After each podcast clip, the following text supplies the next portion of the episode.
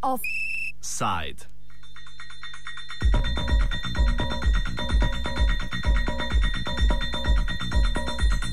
Poslanci Evropskega parlamenta so potrdili zakonodajni svežen, ki med drugim občutno zaostruje kapitalske in likvidnostne zahteve do evropskih bank ter terja njihovo odgovornejše upravljanje. Novo zakonodajo mora sicer še formalno potrditi Evropski svet, na to pa naj bi s prihodnim letom stopila v veljavo. V obrazložitvi so poslanci povedali, da je namen nove zakonodaje stabilizirati in utrditi bančni sektor, da se ne bi ponovile krize, narediti banke preglednejše in odgovornejše, pomagati gospodarstvu in zaščititi denar državljanov.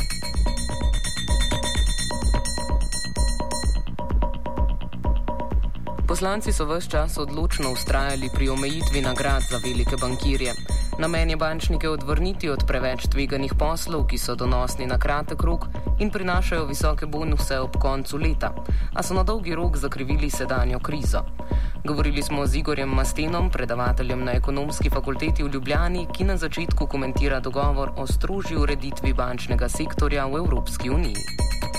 Ja, glavnem gre za prvi korak ne do oblikovanja nekoliko trdnejše ekonomske in monetarne unije v, v Evropi, ki zdaj le tem pomeni prvi korak do najprej bančne unije, ne, potem pa bodo sledili še vse ostale formalne aktivnosti v zvezi z večjim usklajevanjem ekonomskih politik držav, potem tudi do vzpostavitve in kasneje pač pot do fiskalne unije, ne, ki bo poleg uh, tesnejše koordinacije in s tem homogenizacije ekonomskih politik uh, imela tudi, bo prišlo do vse verjetnosti ustanovitve uh, Evropske zakladnice in na ta način pa možnosti zadolževanja Evrope kot celote z seveda vzajemnim jamstvom za, za dolg in tako naprej. Ne. S tem je tukaj še en kup detajlov od, od tega, kako uh, pač ta bančna unija delovala, od skupnega nadzora, sistema pomoči, uh, sistema vlada, ki bo za dokapitaliziranih bank, ko jih bo povzel, tudi potem jih restrukturiral in, in, in uh, privatiziral in tako naprej. No. To, to v grobem je, je, je to to. Ne. Zdaj, tri stvari ne bi bile zelo pomembne, oziroma ne bi se dosegle v tem dogovoru.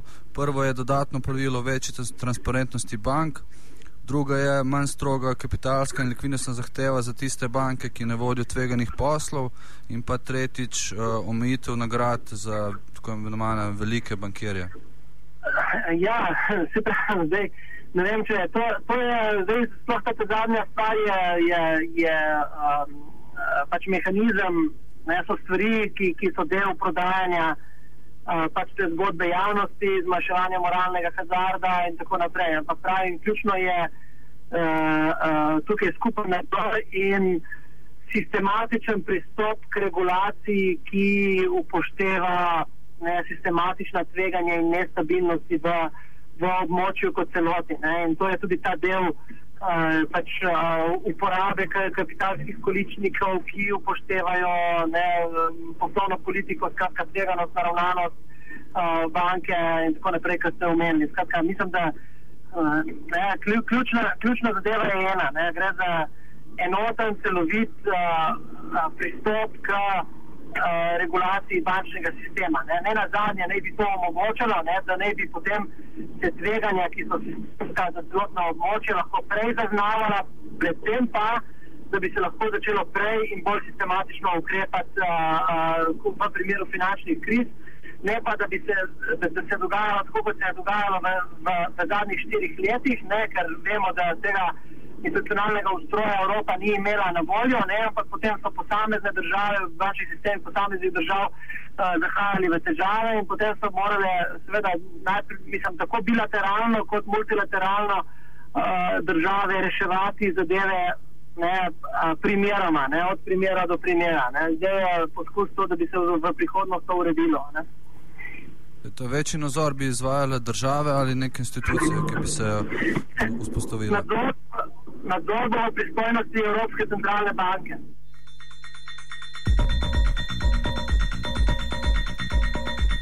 Evropska centralna banka bo torej nadzorni organ nekoliko spremenjenega evropskega bančnega sistema. Po štirih letih finančne krize se odpira vprašanje, ali je to tisto optimalno, kar bo omogočilo večjo stabilnost bančnega sistema ter povrnilo zaupanje v evropski finančni sistem. Nadaljujemo s tem.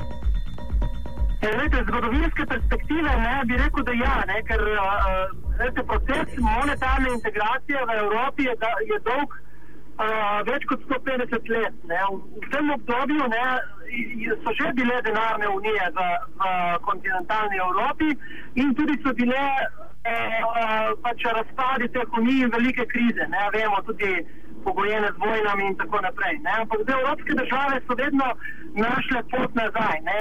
in kot je običajno, vedno se iz uh, velikih pretresov in uh, uh, pač napak poskuša ekspost uh, uh, uh, reagirati. Ne? In tisto, kar smo videli, je, da po vsakem pretresu ne, na, je, je, je skoraj že naravna tendenca evropskih držav, da poskušajo oblikovati trdnejše tvorbe. Ne? In uh, ta poskus prehoda iz klasične, iz, iz uh, denarne unije, kot jo imamo danes, ne, torej za skupno valuto in enotno central, skupno centralno banko, k nekoliko trdnejši tvorbi, ki uh, uh, vključuje tudi uh, koordinacijo, tesno koordinacijo fiskalne politike, je en tak korak. Ne, tako da uh, z tega vidika bi rekel, da, da, da, ja, da to je, uh, mislim, poleg tega, da pravi proces, tudi skoraj naraven proces. Ne. Vendar so se v teh 150 letih nekako krize pojavljale ciklično v gospodarstvu, po vsaki krizi eh, se je uvalo neke ukrepe, kar pa seveda ni preprečilo naslednje krize. In, se tudi to ne bo preprečilo prihodnjih kriz. Ne. Jaz sem prepričan, da uh, slele, ne, prek radio študent nagovarjamo mlade ljudi ne, in uh, pač uh, tam, ne, kakor moja, vaša generacija, ki je dovolj mlada, bo, bo doživela uh, vsaj še eno krizo, uh, ki, bo, ki bo kar znatna. Ne. Uh, krize ne moremo preprečiti, nobena regulacija ne more biti perfektna. Uh, ciklično gibanje uh, gospodarstva je, uh, je nekaj uh, uh, naravnega. Ne. Vprašanje je zdaj samo. Uh, uh, pravočasnega odreagiranja, da se potem ne, tako redki eventi, kot je recimo ta ne, kriza, vseeno ne puščajo tako globokih brat ne, na, na, na ekonomskem in socialnem statusu uh, uh, držav. Um, ampak krize bodo. Ne, vprašanje je tisto, kar poskušamo. Nihče ne, ne dela utvar, da, da se bodo v prihodnosti preprečili, ampak samo, da bi, da bi njihovi stroški bi bili, bili eh, nekoliko nižji. Ne. Lahko rečemo, da je kriza lasnost eh, kapitalističnega gospodarskega sistema in kot taka, kot taki se tudi ne moremo izogniti. Ali je kriza lasnost pač vsakega gospodarskega sistema? Pete, imamo opravka za človeško naravo ne? in uh, uh, uh, ne kot vedno se v takih primerih izpostavi problem človeškega pohlepa in, in tako naprej. Ne? Če zdaj uh, um, jaz sem vseeno dovolj strn, da se malo spomnim, kako žalostno je končala Jugoslavija. Ne?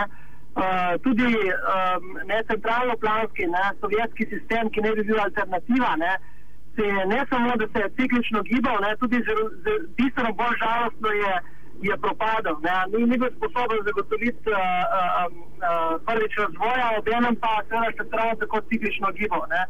Uh, tako da jaz ne bi rekel, da je kriza inherentna inherentna lastnost kapitalističnega sistema, ne, ker to vem, da je popularno v nekaterih uh, uh, pač, uh, take trditve, uh, so popularne v, v uh, določenih krogih. Ne.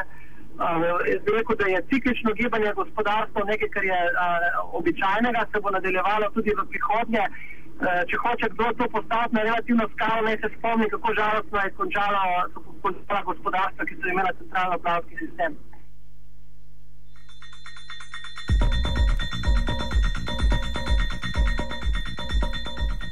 Ali se bo očitno navdušenje poslancev Evropskega parlamenta, ki jim je po štirih letih le uspelo narediti poseg v finančni sistem, prineslo na slihrnega evropejca, pa bo pokazal čas.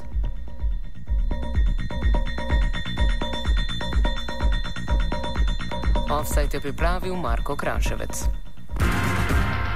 You're tuned to Radio Student.